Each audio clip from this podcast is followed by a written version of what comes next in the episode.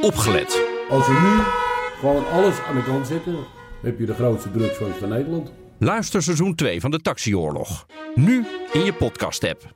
Het ziet ons een beetje zwart voor de ogen. Ja, hoe komt dat? Maar dat komt door de zwartgelakte documenten die we allemaal te zien kregen. De column van Bernard Hammelburg. Donald Trump stapt naar alle waarschijnlijkheid uit de nucleaire overeenkomst met Iran. Vraag 1. Kan hij de deal in zijn eentje onderuit halen? Strikt genomen niet. Formeel heeft het congres de sancties tegen Iran opgeschort. En elke vier maanden moet de president een advies geven om die opschorting voor te zetten. Vermoedelijk weigert hij dat op 12 mei. Dan is het aan het congres om de sancties al dan niet te hervatten. In theorie kan het congres niets doen en dan blijft de overeenkomst overeind. Vraag 2. Is die kans groot? Nee, want het congres was al onder Obama, die de deal sloot, tegen. Obama gaf zijn goedkeuring daarom per presidentieel decreet. Uit wraak werd toen de wet aangenomen die elke vier maanden dat presidentiële advies eist. Een meerderheid is nog steeds tegen de deal, dus als er een stemming komt, is het exit Amerika. Maar nogmaals, het congres kan de zaak ook laten lopen. Vraag 3.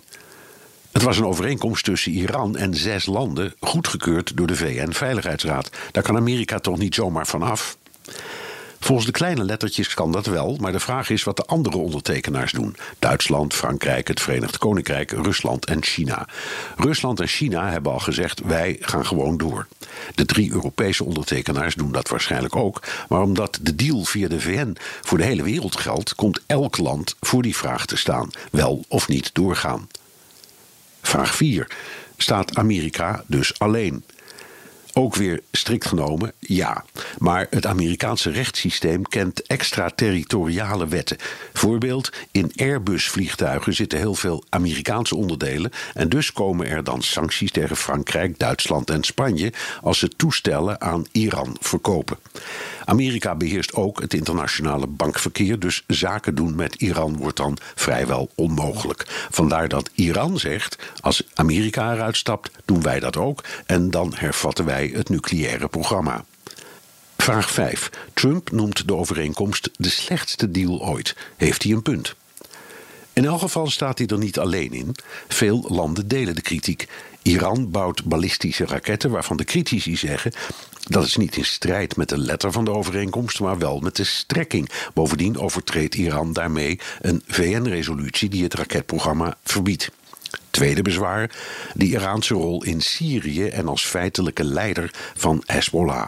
En Trump is fel tegen de looptijd van de deal, want die gaat maar tot 2025. Sommige Europese landen willen, net als Trump, de deal verbreden, maar daarmee gaat Iran nooit akkoord. Achter de schermen wordt daar nog steeds over onderhandeld, dus wie weet.